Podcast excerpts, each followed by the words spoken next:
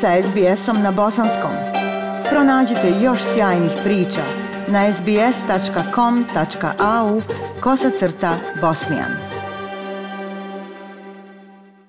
Ambasador Bosne i Hercegovine za Australiju i Novi Zeland, gospodin Mirza Hajrić, uskoro odlazi sa te dužnosti. U želji da saznamo kako je bilo obavljati diplomatsku dužnost u Australiji u protekle gotovo četiri godine, kakve utiske će ponijeti u našu prvu domovinu u Bosnu i Hercegovinu, ali i da mu damo priliku da se i putem naših talasa oprosti od velike porodice bosansko-hercegovačkih zajednica i pojedinaca širom Australije i Novog Zelanda. Gospodine ambasadore, uvijek ste bili dragi cijenjen gost našeg SBS radija, pa evo i danas. Uskoro odlazite iz Australije. Kakve utiske nosite odavde? Da li će vam nešto nedostajati?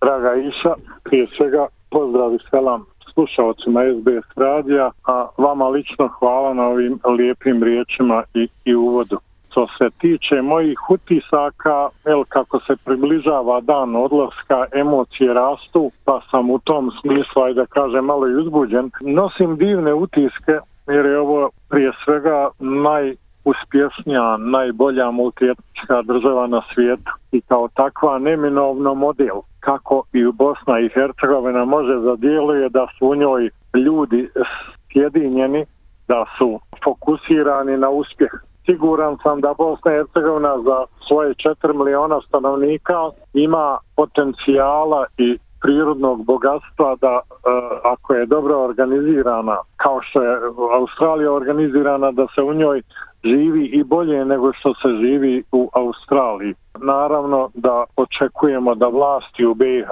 osiguraju taj potencijal da se i realizuje. Nažalost u ovom momentu to nije slučaj. U, u tom smislu moji su utisi izuzetno pozitivni. Jako mi se sviđa australski narod, tako jedan, jedan dobar, do naivnosti dobar. A s druge strane je žal što znam da iz ove potpune, da kažem, oslobođenosti od, od korone i, i jedne uspješne borbe vlasti protiv te jedne nepoznate pošasti do prije koji dan, idem u Bosnu i Hercegovinu gdje ta pandemija ubija desetine ljudi i da znam da je to moglo da bude spriječeno jednom boljom, aktivnijom, agresivnijom aktivnošću naših, naših vlasti. U tom smislu imam žal, imam gorčinu jednu da možemo biti bolji od Australija, da smo daleko gori. Eto, u tom smislu volim što se vraćam, vratio sam se u Sarajevo nakon nekoliko godina života u Londonu i 94. usred, usred opsade Sarajeva i agresije, pa logično je da se vratim 2021. ali nosim jednu,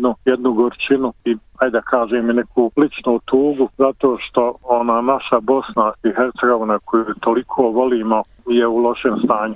Emocije su svakako prepletene i pomiješane. Eto, na osnovu vašeg diplomatskog iskustva u prethodne četiri godine, ambasadore Hajriću, kako biste ocijenili uzajamnu saradnju Bosne i Hercegovine sa Australijom i Novim Zelandom, obzirom na veliku udaljenost ovih zemalja?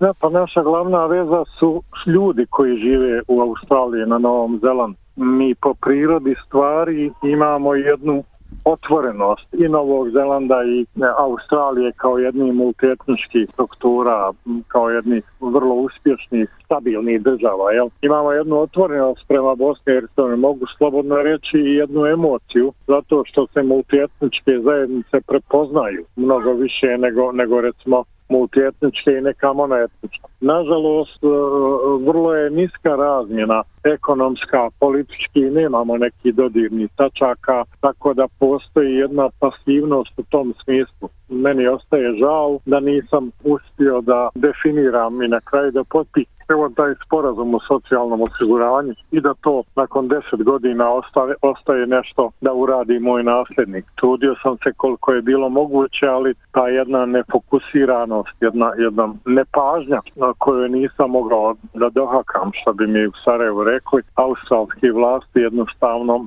situacija je nešto naprijed otišla, ali nije dovoljno da bi se govorilo o potpisu. Jednom ste rekli da u Australiji postoji 50.000 ambasadora Bosne i Hercegovine, misleći pritom da je svaki pojedinac, svaka osoba porijeklom iz Bosne i Hercegovine najbolji reprezent naše prve domovine. Pa ipak e, nije sve tako bajno ni u Australiji kada se uzme da postoji raskol među nekim zajednicama sa bosansko-hercegovačkim predznakom. Pandemija i zatvaranje koje je bilježilo prošlu godinu učinili su da društveni e, život stane. Eto, on se ponovno zahuktava, ali sa opreznim i manjim brojem ljudi. Ambasadore Hajriću, kako vi ocjenjujete stanje među bosansko-hercegovačkim zajednicama u Australiji i imate li vi neki recept kako da se ljudi ujedine? Da, nažalost, stanje, stanje je loše. Mm, rekao bih lošije nego kad sam ja dosta, došao na poziciju ambasadora. Koliko je ambasada mogla da tu utiče, mislim da je uticala pozitivno, ali naravno to je moje subjektivno mišljenje. Kada sam izjavio na počet krize ili raskola, kako vi kažete, u našoj zajednici, kad sam pomenuo da imamo 50.000 ambasadora, ja sam želio u stvari da apelujem na svakog našeg pojedinca da razmotri svoje ponašanje i svoj stav u okviru te nadolazeće krize i želio sam da svako prema sebi utiče pozitivno da smanjimo taj raskol, da smanjimo problem. Nažalost, on je eskalirao. Moja je želja bila da ga riješe bosanske institucije, prije svega islamska zajednica BiH, kako do toga nije došlo čujem da su uključeni i sudovi jel, australski, tako da, nažalost, to rješenje ćemo moći da formuliramo nakon što sudovi donesu svoje odluke.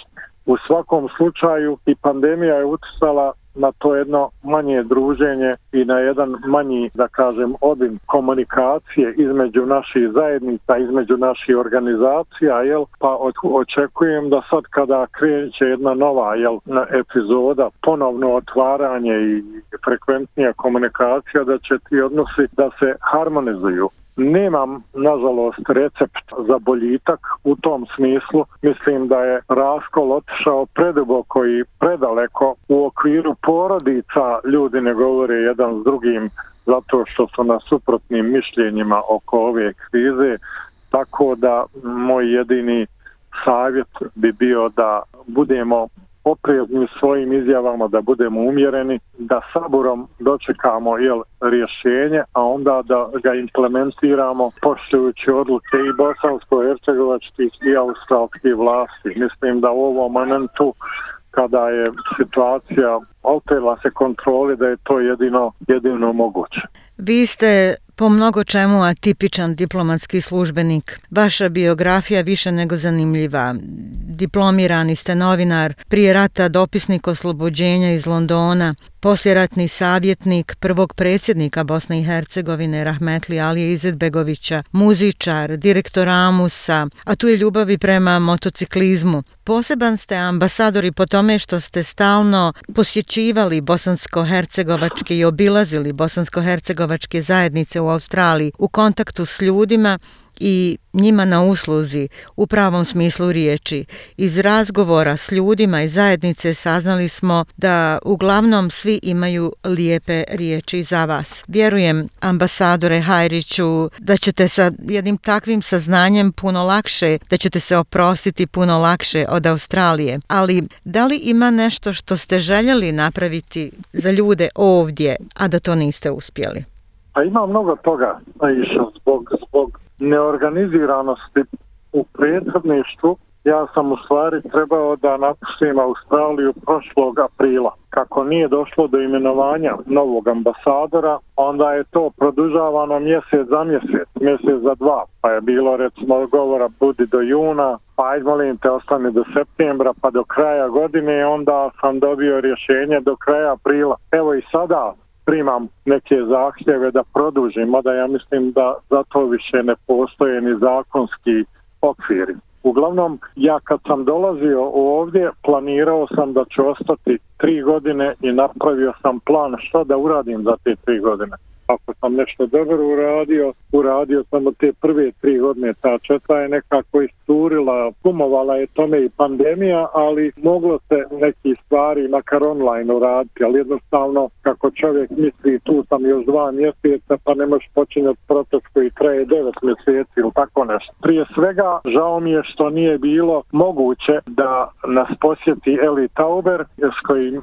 je trebao kupljena je bila karta, sve je bilo organizirano za programe u Kamberi, u Melbourneu i u Sidneju. Nažalost, eh, tek koji dan prije dolaska se razbolio, a onda je pandemija blokirala ulaz u Australiju.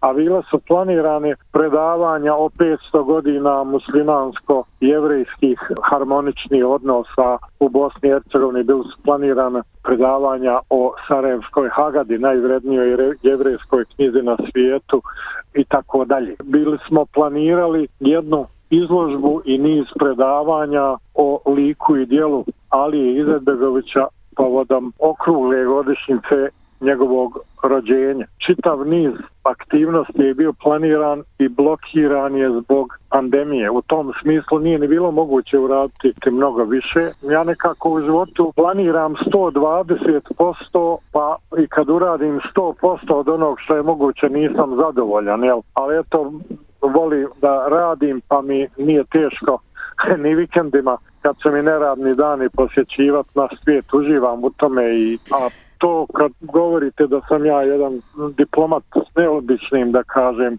neobičnom biografijom, da, pa ispade tako. S tim što mislim da je diplomatija, odnosno je poimanje diplomatije nekako zarobljena u nekim konceptima 19. vijeka. Sad je ipak 21. vijek. Ja držim da nisu diplomati ljudi koji treba u frakovima i lep, s leptir maštama da ispijaju koktele na prijemima, nego da treba da zasuću rukavi i da se bave mnogo više ekonomskom saradnjom, da se bave u Australiji posebno održanjem i jačanjem veza sa, sa prvom domovinom, da u tom smislu moramo mi kao ambasadori biti mnogo više terenski radnici nego neki salonski diplomati i pokušao sam ličnim primjerom da, da, da to i modeliram.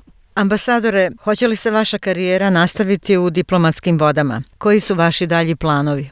Pa nisam baš siguran danas se uvriježilo ono da kaže e, iskreno da vam kažem, onda ispade sve drugo što si rekao da je neiskreno, jel?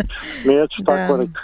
Ne znam, ne znam u ovom momentu nervira me jedna e, indolentnost i pasivnost naših institucija kada se radi, da kažem, o, o, o nekim važnim procesima kao što je diplomatija i kao što je odnos sa, sa našim iseljeništvom. Radije ne, ne, koristim taj e, izraz nego dijasporom. Ministrica Turković zaista trudi da to organizira. Volio bi da i predsjedništvo prati u tim, u tim naporima. Jel? Volio bi da je davno imenovan moj nasljednik, ali nažalost nije. Tako kako god okrenuti, bit će nekoliko mjeseci pauze između mene i mog nasljednika, što, što me razočarava. Jel? U tom smislu nisam siguran, ali da ne prejudiciram kad se vratim u Sarajevo, da ću neki, kako sam ja zamislio, završni izvještaj, pa ćemo razmotriti šta ima od, tog onaj od, od neki varijanti, mada nisam daleko od, od, od privatno, da se vratim privatnom biznisu u kojem sam bio